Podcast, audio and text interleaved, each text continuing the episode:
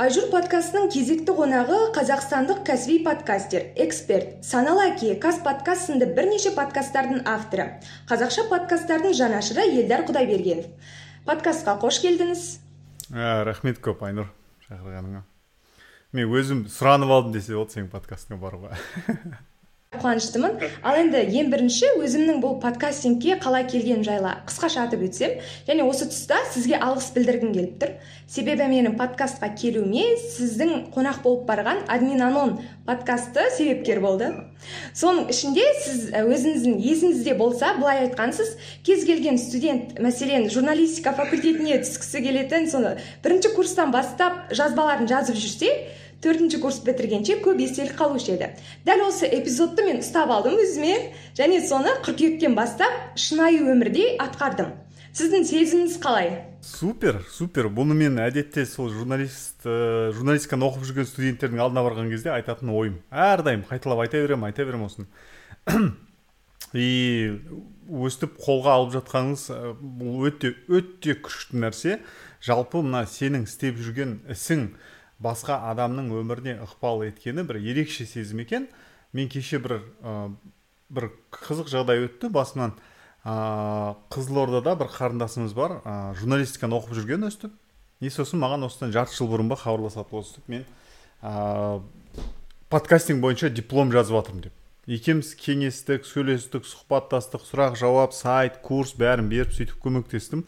И кеше звондайды маған. Бір номер мен танымаймын. Алам алло десем вот мен ғой аға қалыңыз қалай анау мынау? Иә не болды не бұйымтай десем мен дипломды қорғадым там 98 балл бүйттім сөйттім қызыл диплом супер сізге рахмет подкастинг күшті анау и осындай кезде енді бұл ерекше сезім мен бұрын бұндай нәрсені сезініп көрмеппін.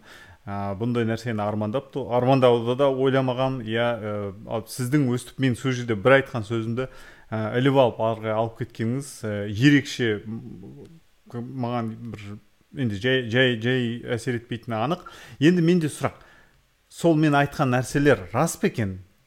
Рас. Себебі мен подкастты бастағанда әуелі ә, ойладым менде не бар? Қалай бастаймын? Білмеймін қалай бастау керектігін бірақ задача тұр бастау керек. Себебі мен ерекшеленуім керек болды да. Бірінші курста барған кезде өзгелерден мені осы подкаст қана ерекшелендірді. Себебі басқа кейбіреулер айтып жатты маған ә, подкастты сен арқылы біліп жатырмыз деп сондай ә, естідім. Енді мен ойладым жарайды подкаст жазам ә, нақты қалай қандай құрылғымен ә, өңдеймін қандай приложениемен өңдеймін оны білмеймін әйтеуір подкаст жазу керектігін білемін да. Сосын ә, әуелі айт, ойладым мен не айтам подкастымда? Мен ешқандай бір маман емеспін мен студентпін да. Менде қандай білім болу керек ол подкаст жазу үшін? Сосын ойладым мен апталық эпизодтар жазайын. Өзіңіз айтқандай ә, аптасына осы әрбір сәттерді моменттерді дәрістерді жазып жүрдім диктофонға. Апта соңында барлығын жинақтап соны бір ә, ары кетсе он минут бес минут алты минут әртүрлі солай жинақтап шығарып отырдым. Осылай бастап кеттім мен подкастымды. Супер супер. Иә өстіп өстіп бұл подкастинг жалпы бұл құрал ғой. Бұл жаңағы жанр емес оны енді сен білетін шығарсың. Иә мен жалпы тыңдармандарға айтып өтейін. Подкастинг деген сіздер көріп жүрген ютубтағы әңгімелесу емес. Мысалы мына біздің қазіргі айнұрмен жазып отқан нәрсеміз бұл. Біз әңгімелескенге бола подкаст емес ол оның таралу жолына байланысты подкаст. Сондықтан ә, менің ойымда жалпы менің көр, менің басымдағы көріністе подкастинг ол әр қазақстандағы әр мұғалім ғана емес кез келген маманның жаңағы арсеналында бар құрал өзінің аудиториясымен байланыс ұстайтын жалпы өзінің ойымен бөлісетін бір сондай құрал ғана. Сондықтан бұл тек қана журналист кез келген маманның өзінің подкасты болса мысалы біз мен қазір иә әдетте айтатын жаңағы сантехник. Сантехник мен біздің жаңағы ваннаны жасайтын сантехниктің подкасты болса мен тыңдайтын едім. Өйткені ол айтады мысалы вот мына үйдің ішіндегі мынандай проблема өстіп тазалаңдар мына жақта мынандай проблема қазір там жазда су өшіреді дайындалыңдар деген сияқты не знаю. Сондай бір нәрселер айтады да мысалы. Немесе біз ә, бір жарты жыл болды баламызды балабақшаға береміз. Соның ішіндегі тәрбиешіміз мысалы өзінің подкастын жүргізсе. И ол бүйтіп жаңағы бүйтіп айтса мысалы да жаңадан баласын бақшаға жаңадан беріп жатқан ата аналарға берер менің кеңесім деп айтып шықса бәрін мысалы. И ол кісіге әрдайым ба, жаңа бала келіп тұрады ғой иә? Аптасына бір екі бала жаңа келіп тұрады. Бір балалар кетеді біреу келеді. И әрдайым келген ата анаға айтса саламатсыз ба иә мен осындай осындай тәрбиешісімін ә, деп жекесіне шығып ватсапқа мысалы сіз менің мынандай подкастым бар еді соның мына эпизодын тыңдап шықсаңыз болады өйткені әр ата ана өзінің баласын бірінші рет бақшаға берген кезде ана баладан аз стресстен өтпейді. Біз үшін де стресс біз үшін де сол жаңағы ойлау қобалжу менің балам бүйтіп қоймай ма менің балам жалғызсырап қалмай ма деген сияқты барлығында сондай қорқыныш болады иә и сондай мысалы сол бақша жасап мен тыңдайтын едім мен тыңдай тыңдап қана қоймай мен еще оны басқаларға айтар едім міне менің біздің қызымыздың тәрбиешісі осындай осындай подкаст жүргізеді деп и ары қарай дамыта беру керек иә ол кісі ертең өзі бақша ашуы мүмкін немесе басқа жерге жұмысқа тұруы мүмкін сол кезде ол кісі айтады не дейді менің мынандай подкастым бар міне осы жерде менің қандай эксперт екенімді осы жерден көре аласыңдар деп айтуға болады мысалы. Немесе ары қарай ол подкасттың ішіндегі жиналған ақпаратты ертең кітапқа айналдыруға болады. Ол туралы там курс жасауға болады иә ары қарай ары қарай дами береді. Так что менің көзқарасым сондай. Әр маманның мысалы ә, там министр болсын кім болсын өзінің подкасты болса мен мен ойлаймын вообще супер нәрсе болады мхм. Иә сол ә, ал енді сізге бір сұрағым бар. Жалпы ә, осы подкастингте ереже бар ма? Белгілі бір эпизодтар белгілі бір бағытта болу керек. Және мысалы бір екі сағат ә, тұрақты осындай ұзақтықта болу керек деген. Иә бұл деген өте сондай бір жиі қойылатын сұрақтардың бірі ә, менің жауабым да тура сол бір әдетте. Ә, тек тілі иә кейде орысша кейде қазақша. Ә, подкастингде бір ғана не бар жаңағы? Правиланы қалай болады қазақшасы? Заңдылық па? Иә ереже. Бір ғана ереже бар. Ол ереже жаңағы рсс арна дегеннің болуы. Иә? рсс арна болуы ереже болды. Басқа ереже жоқ. Иә егер былай жалпы алып қарайтын болсақ. Бірақ әдетте адамдар ә, жай ғана подкаст жасағысы келмейді. Олар жаңағы аудитория өсіргісі келеді. Олар ақша жасағысы келеді иә. Егер сөйтіп қоятын болса мысалы маған айтса мен подкаст арқылы ақша табу үшін қалай жасауым керек? Мен ұзақтығын бүйтуім керек па немесе там мен тақырыпты бүйтуім керек па или там әрдайым жариялауды мен қанша рет жариялауым керек десе ол кезде уже сұрақтың жауабы өзгереді иә? Соған орай мысалы әдетте әдетте бүкіл жаңағы әлемдік подкасттарды зерттеген кезде көбінесе аптасына бір рет шығатын шамамен жарты сағат пен қырық минуттың арасындағы подкасттар ә, сосын ақша жаңағы төсек қарым қатынас өлім ну біздің мемлекетке алып алатын болсақ дін тақырыбындағы подкасттар әдетте ә, тез аудитория жинайды тез монетизацияға шыға алады деген сондай бір ә, енді жазылмаған былай айтқанда заңдылықтар ондайлар бар. Бірақ ол бүкіл жаңағы основной подкастингке келген кезде ондай заңдылық жоқ. Сіз өз еркіңізде мен қанша рет шығарғым келеді қай тақырыпта жасағым келеді қандай жанр формат. Ол тек сіздің жеке фантазияңызбен ғана шектелетін нәрсе. Сондықтан сол тек рсс арна болсын болды. Подкаст деп атаңызда ә, сала беріңіз. Мысалы даже бір кісілер ойлайды apple подкаст немесе google подкастқа салу міндетті деп. Ол да міндетті емес. Ол міндетті нәрсе емес. Ол тек сіз apple-ға google-ға саласыз подкастты ә, өзіңіздің тыңдарманыңызға ол подкастты тыңдау ыңғайлы болу үшін ғана болды. Иә? Негізі адамдар тікелей рсс-ке де жазыла алады. Ол құрылғылар да керек емес мысалы иә ол негізі егер адамдар мысалы тікелей подкастқа жазыла алатын болса біздің жалпы аудитория иә сондай медиа жағынан сауатты болса мен apple подкасттан алып тастайтын едім подкастымды иә маған ол жер керек те емес негізі. Бірақ адамдарға түсінікті болу үшін оларға былай осындай түсіндіріп жаңағы қолжетімді ең құрмағанда сөйтіп тыңдасын деу үшін мен подкасттарымды саламын. Мысалы мен маған ұнамайды мысалы яндекс деген компания иә. Бірақ менің таныстарымның көбісі маған жаңағы мен біледі ғой подкаст туралы айта беретінімді. Олар айтады о мен ана яндекстен тыңдап жүрмін сенің подкасттарыңды дейді. Сол үшін ғана мен ол ә, тұғырларға барам. Сондай нәрсе. Даже ондай да заңдылық жоқ деп жатқаным ғой. Осы қазақша подкасттар саны қанша жалпы статистика бар ма? Осындай осындай бағытта қазақстанда осынша подкастерлер бар деген.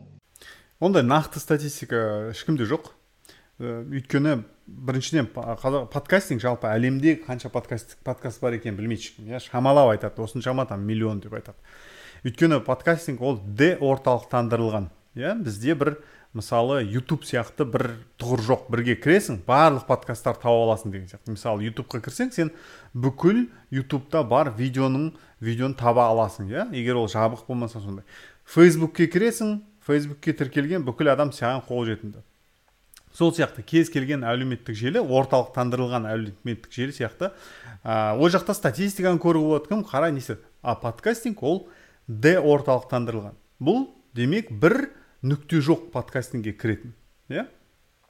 Әр адам өзінің өзі жеке подкаст ашып алады. Мен мысалы мен сіздің подкастыңызды жойып жібере алмаймын. Өйткені оған тек қана сіз қарайсыз да. Және сіздің подкастыңызды ешқандай корпорация ешқандай мемлекет ешкім жойып жібере алмайды.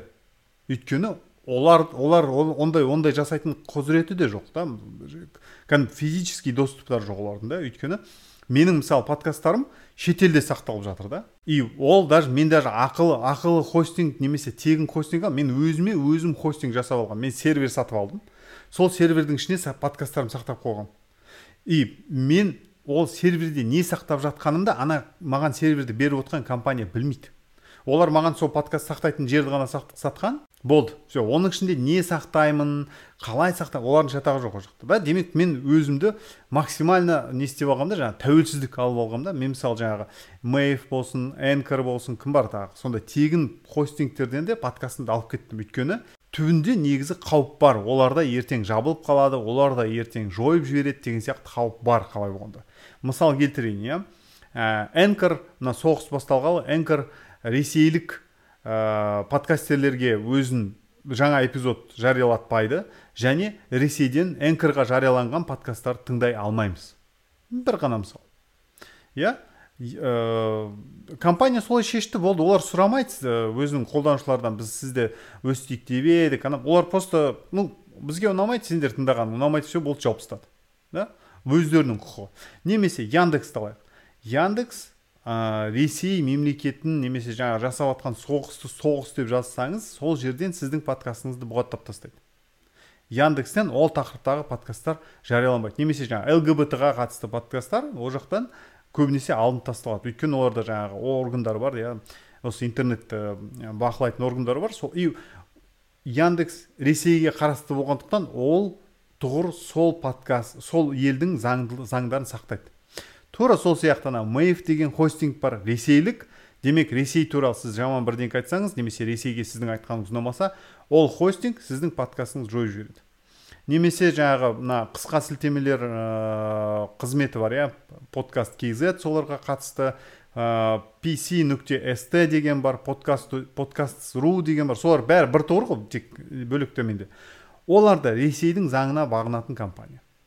Сондықтан барынша мемлекет басқа мемлекеттерден тәуелсіз болған дұрыс. Жаңағы менен сұрайды тоже ақылы хостинг алайын ба тегін хостинг алайын ба деп. Мен айтамын тәуелсіз өзіңнің хостинг жасап алғаның өзің болашағыңа солай дұрыс. Осындай нәрсе. Хостинг, хостингке ә, бұл хостингке қатысты. Енді орталықтандыру туралы иә? Мен жинап жүрген подкасттардың ішінен шамамен бір елудей подкаст мен жинап үлгердім. Бірақ ол өте ұзақ уақыт алатын нәрсе да подкасттардың жалпы санын санап жүру. Сондықтан мен соңғы кезде оны прям активно санап жүрген жоқпын. Ә, шамалап айтатын болсам шамалап бір жүзге жеткізіп қалған шығар шамамен қазақстандық подкасттар мен оның нақты санын айта алмаймын. Ешкім санап жүрген жоқ. Менің жалпы бір ойым бар қазақстандық подкасттарды қазақстандық подкасттар ғана жарияланған подкаст қолданба жасау деген ойым бар. Бірақ ол әлі сол ой күйінде. Өйткені ә, енді спонсорлар жаңағы инвесторларға барсам олар айтады біз бұл жобаның ақша әкелетіндігіне онша сенбейміз дейді. Иә өйткені ну мен де онша шынын айтайын сенбеймін өйткені бізде қазақстанда и так подкаст аз тыңдайды ә, бұны тек болашақта мен бір там миллион миллиардтап ақша тапқан кезде өз ақшама жасап қоямын. Мүмкін сондай. Сол кезде біз более менее кішкене нақты ә, сандарды біле алатын боламыз. Әзірге біз қазақстанда осыншама бар осыншама жоқ деп айта алмаймын мен қазір айтатын нақты елу подкаст точно бар. Бірақ ол одан ол одан точно асады. Мен мысалы сіздің подкастыңызды осыдан осы бір екі апта бұрын ғана білдім мысалы иә. Оған дейін мен хотя ол баяғыдан бар подкаст екен мысалы. Мен даже естімегенмін ондай бар екенін вот сол и осындай подкасттар өте көп. Өңірлерде адамдар жүргізеді шетелдегі қазақтар жүргізеді жаңағы студенттер ашады анау сөйтіп аша береді. Вот осындай нәрсе. Аха. Ал жалпы осы айжур подкастының барлық эпизодтарын қосқандағы тыңдалым мыңға жетті иә. Мен ойлаймын да бұл салыстырмалы түрде ә, нормальный ма деп айтуға болады ма осылай? Тыңдалымдары қалай? Салыстырмалы түрде басқалармен. Ә, кейбір подкасттар айтады ғой елу мыңдап жүз мыңдап қаралым жинайды. Олар бір эпизоды ма әлде барлық эпизоды ма деген секілді сұрақтар да менде. Ә, енді қараңыз. Мен білмеймін қаншалықты сіз қазір шынайы мыңға жетті деп айтқаныңыз қаншалықты шын қаншалықты өтірік екенін білмеймін. бірақ әдетте менің білетінім әдетте адамдар 20-30 пайыз қосады үстіне ол бір. Екіншіден ә, мен бәрі демеймін бірақ әдетте қосады енді иә. Екіншіден біз ешқашан подкастты нақты осынша адам осы жерде тыңдады деп айта алмаймыз. Бұл жерде де біз шамалап айтамыз. Шамамен осындай тыңдалған деп. Содан кейін жаңағы сұрағыңыз өте орынды. Бұл барлық подкасттың эпизодтары ма? Жоқ. Жалғыз өзі ма деген сияқты. Мен осы сұрағыңызды бағана сіз жазған кезде мен қарадым өзім подкасттарымды мысалы менің ә, аудиоблогымның бір эпизодын қашан осыдан бір апта болған жоқ? Шамамен бір апта бір екі апта болған шығар наверное ә, егер жаңағы мен айтқан жиырма отыз пайызды қосатын болсақ тоже мың рет тыңдапты бір эпизодын. Нақтысына келген кезде менің маған мен көріп отырған цифр ол жерде жеті жүзден асады шамамен сол жеті жүз бірдеңке ашады. Вот сондай нәрсе. Бірақ бұл подкасттың алдындағы ә, қанша уақыт өткен иә? Сондай нәрсе бар. Оны да ойлау керек.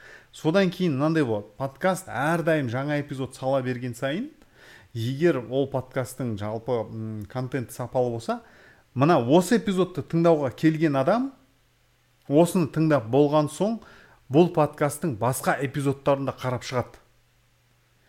Әдетте егер эпизод ұнаса мына эпизод ұнаса олар басқаларын да тыңдайды. Сондай сөйтіп сол үшін адамдардың тыңдалымдары өсе береді өсе береді өсе береді өсе береді. Бір эпизодқа келген адам басқаларын да тыңдап шығады да.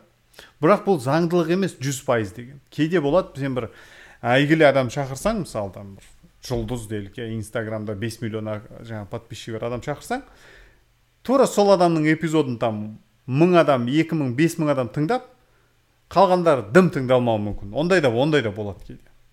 Сондықтан бір нақты бір заңдылық жоқ что ондай деген. Ал жалпы осындай бір мысалы сізде енді үлкен аудитория жоқ инстаграмда иә үлкен бір лауазымда отырған жоқсыз бір компания бір миллиардтаған ақшамен жүрген жоқсыз ғой. Сондықтан бастаған кезде подкасттардың алдағындай тыңдалым жиналуы ол ә, орынды.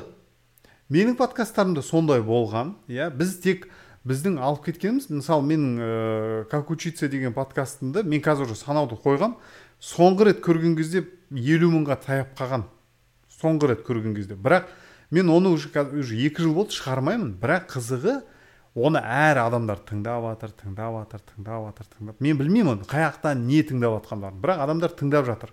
Мен оның жарнамасын да жасап жатқан жоқпын еш жаққа шығарып ол орыс тілінде ә, просто жатқан подкаст иә. Оны бірақ, бірақ оны адамдар тыңдап жатыр мен көріп көремін әрдайым. Цифрлары өзгеріп тұрады өзгеріп тұрады өзгеріп тұрады.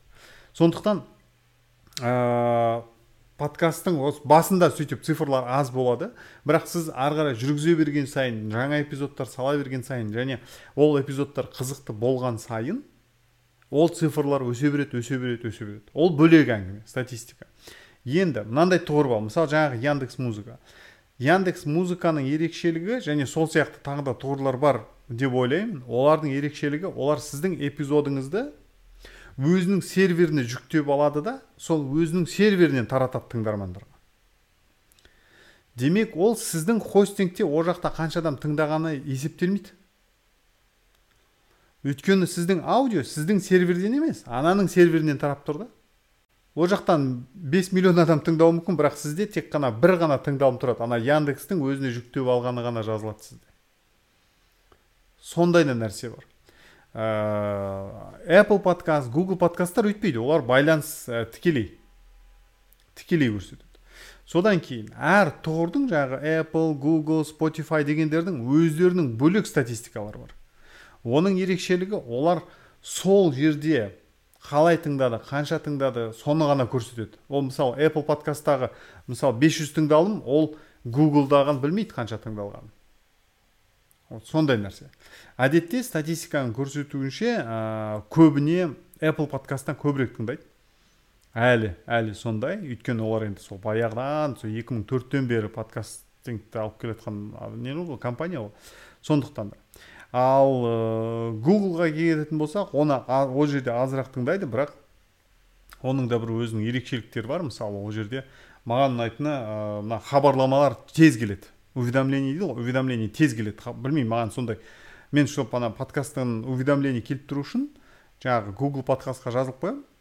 И ол жерден жаңа кез келген подкасттың жаңа эпизоды шықса маған бірден уведомление келеді.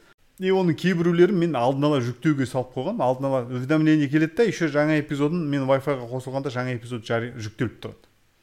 Вот осы жағынан маған маған өте ұнайды сол жағынан. Вот сондай нәрсе.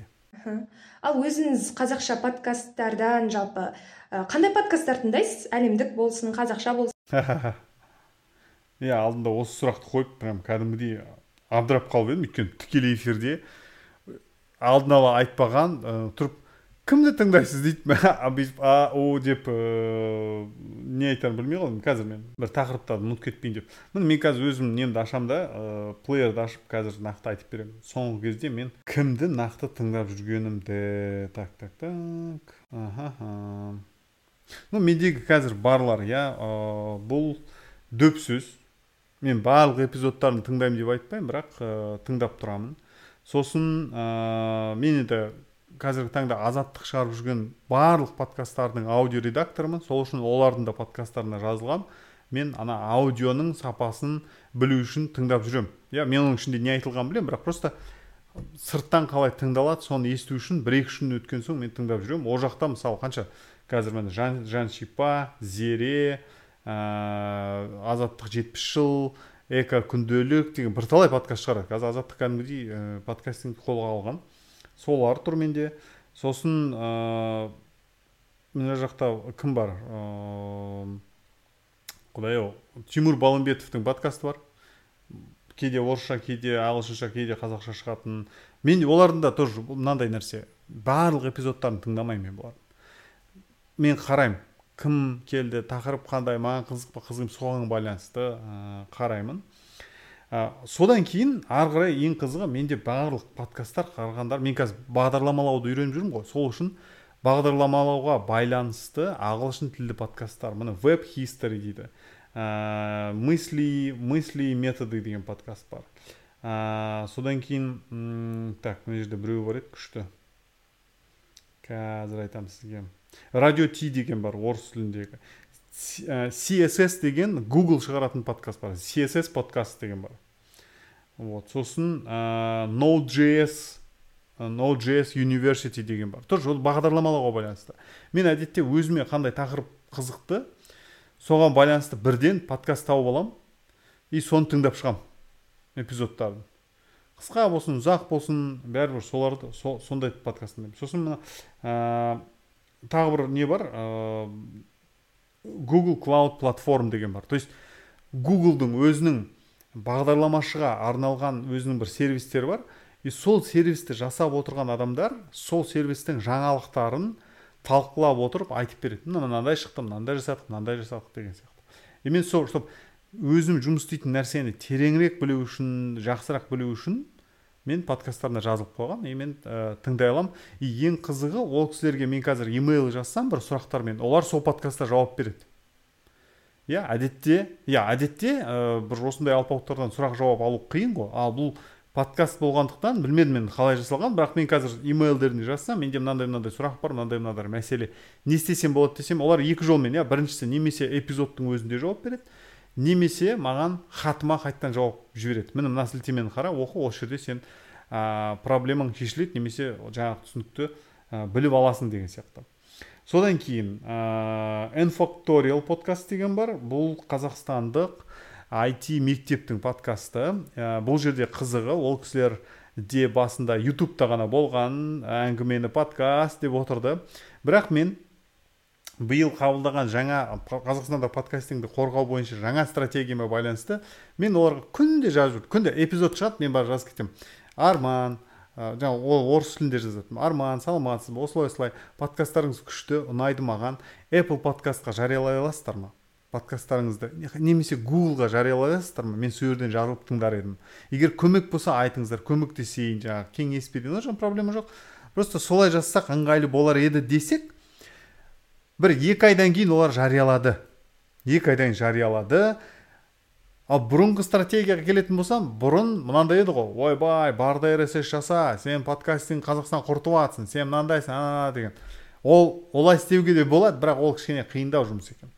Ал мынандай мягкий мягкий сила дейді ғой сондай ақырын сондай барасында ана кімдер қазақша жаз деген кісілер қозғалыс болды ғой.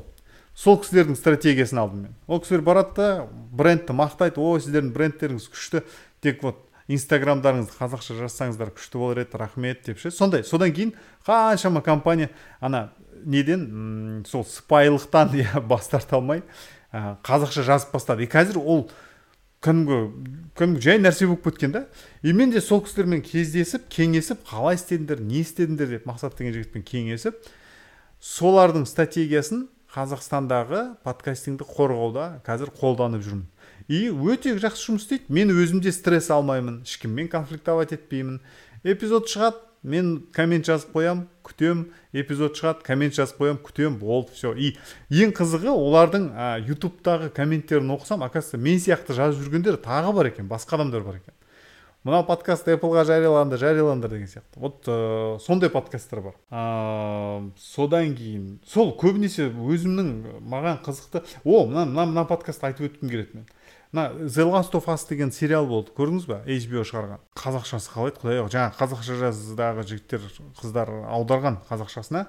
The last of us деген подкаст hbo компаниясы шығарады. И қызығы ол подкаст. Маған сериал қатты ұнады мен прям сразу көрдім. И қызығы hbo сондай сериал шығарады да сериалмен бірге сол сериалдың подкастын шығарады. Міндетті түрде. Ну чернобыльде сондай болған мына подкастта мына сериалда да сондай болды. Ол қалай жасайды? Міне сериал олар ана netflix сияқты бірден салып тастамайды барлық серияларын. Олар апта сайын бір серия шығарып отырады. И соның бір серия шығады дүйсенбі күні тура сол уақытта сол серия туралы эпизод шығады. Ол эпизод ол эпизодта үш адам әдетте болады. Ә, жүргізуші режиссер және сценарист. Үшеуі отырады да жаңағы эпизодты талқылайды. И сен бірінші серияны көресің серияны көріп болған соң барып эпизод тыңдайсың. Серияны көресің эпизод тыңдайсың. Серияны көресің. И сен ана сериалдың серияның ішінде болған нәрсені тереңірек түсіне бастайсың. Бір байқамаған нәрселерді ә, байқайсың. Сосын барып ана серияны қайтадан көресің ана эпизод тыңдап алған соң ше. И сен көбірек түсінесің көбірек аласың да жаңағы сериалдан мен сөйтіп осы оймен алдында кіммен кездестім? Дархан қыдырәлі мына кім министр да ә, сонымен кездестім да айттым. Давайте өстейік. Мысалы хабарда шығып жатқан келінжан бар. Келінжан туралы жасайық давайте. Бір серия шығады. Сол туралы э, эпизод немесе кез келген кино болсын кез келген сериал болсын. Давайте соның жанында не ә, подкаст шығарып жүрейік. Тыңдармандарға ә, көрермендерге жақындай түссін ол нәрсе деп. Бір жағынан подкастинг дамиды бір жағынан адамдар қосымша ақпарат алады. И еще плюс оларға жаңағы сериал одан ары ұнай түседі олар оны тереңірек түсіне бастайды деген сияқты сондай. И HBO бұл мысалы олар бітті the last of us бітті бұл сезон ендігі сезоны болады ол қашан болатынын күтпейді ғой енді олар. Олар енді жаңағы подкастқа жазылып қойған адамдарға өздерінің басқа подкасттарының трейлерлерін жариялап отырады. Мен енді ана подкасттың жаңа эпизоды шығып қалады деп не істемеймін ғой. Мысалы мынаны тыңдап тастасам да мен әлі жазылып отырмын да подкастқа. Бірақ олар басқа подкасттардың трейлерін шығарып отыр да бұл олар үшін жарнама каналы былай айтқанда тегін жарнама каналы. Сондай нәрсе. Вот осындай да подкасттарды тыңдаймын. Содан кейін қандай подкаст бар тағы? О мына подкастмен ерекше айтар едім. Бұл нью йорк таймс шығарған the rabbit hole деген подкаст. Шыққанына өтірік айтпасам 2020 жылы шығыпты мен тыңдадым. Бұның ерекшелігі мынандай. Ютубтың адамға әсері туралы басталады да бұлар бір адамның бірталай жылдағы ютубтағы просмотрларының историясы сақталады ғой гуглда. Әдетте сақталады егер өшірмесең. Сол историяны жүктеп алып мынандай таймлайнға салған и қараған ана ә, ютубтың рекомендациясы бар ғой ұсыныстары иә? Сол ютубтың ұсыныстары ана адамға қалай әсер еткенін зерттеген. Неге зерттеген? Өйткені ана адам жай студенттік кезден радикальный адамға өтіп кеткен ғой. Крайне радикальный правый адам болып кеткен да ол ше. Жаңағы оң жақтық. Сондай жаңағы феминистер ұнатпайтын лгбт ұнатпайтын там пистолет алып жүретін сондай радикал болып кеткен. И ол радикал қылып жіберген анау жаңағы подкасттың айтуы бойынша ол ютубтың немесе кез келген ә, сондай рекомендательный алгоритмі бар тұғыр. Ол тоже инстаграмда ютубта фейсбукта бәрі қазір рекомендация ғой. Бізде қазір жаңағыдай бұрынғыдай таймлайн жоқ. Бәрі рекомендацияда соны зерттеген и бұл жерде мен қазір айтайын қанша эпизод? Жеті сегіз тоғыз. Тоғыз эпизод. Сегіз эпизод екен сегіз эпизод. И сол сегіз эпизод бойы жаңағы өзгерістерді зерттейді. Жалпы интернеттің ә, сол рекомендательный жаңағы алгоритмнің адамға жаңағы ықпалын зерттейді. Мен мына подкаст тыңдап алған соң екі нәрсе істедім. Екі нәрсе болды. Бір нәрсе екі неден тұратын. Біріншісі мен ә, ютубта маған рекомендация көрсететін жағын өшіріп тастайтын қосымшаларды орнаттым браузеріме. Мен қазір ютубыма кіретін болсаңыз тек қана пустой бет тұрады. Ә, тренд деген шықпайды уведомление деген ешқандай келмейді ә, сондай нәрсе. И бұның барлығы жаңағы rabbit hole деген подкасттың маған ықпалы. Иә осындай ә, керемет нәрсе. Ә, жалпы сонда мен айта берсем мен айтып тұрмын ғой көп подкаст тыңдағандықтан ә, мәңгі айтып отыра бере аламын бұл анау туралы да бар мынау туралы мынандай подкаст бар андай. Жалпы бұл жерден түсінетін нәрсе әр адам өзіне қызықты өзіне пайдалы подкаст таба алады. Қазақ тілінде болмаса да ағылшын тілінде ол міндетті түрде табылады. Ол жағынан ол жағынан сөз жоқ. Мысалы там кішкентай кезінде көрген сериал там мультфильм туралы да там бағдарламалау тілі егер үйреніп жатса журналистика туралы былай подкаст деген. Мен бір ютуб подкасттың рсс ашып жалпы эпизодтармен жұмыс жасамақшымын. Қазіргі таңда ә, қандай кеңес бересіз? Өзімнің подкастым секілді қылып ә, анхор фммен жасай беру дұрыс па? Қалай ойлайсыз? Ну ол бағанағы айтқандағыдай егер ә, мүмкіндік болса жеке бөлек хостинг жасаған дұрыс меніңше. Бірақ ол кішкене техникалық ә, білімді қажет етеді бір нелер керек? Сондай дағдылар керек. Жасай алатындай. Сайт жасау керек деген сияқты нәрсені орны. Бірақ ол бір супер бір бағдарламалық бір техникалық деңгей талап етпейді. Жай ютубтағы нәрселерді сабақтарды көріп те адам жасай алады. Ол жерде сатып алатын нәрсе екеу. Біріншісі ә, домен сатып алу керек жаңағы адрес иә. Екіншісі хостинг. Хостинг шамамен там мен мысалы қазір төлеймін.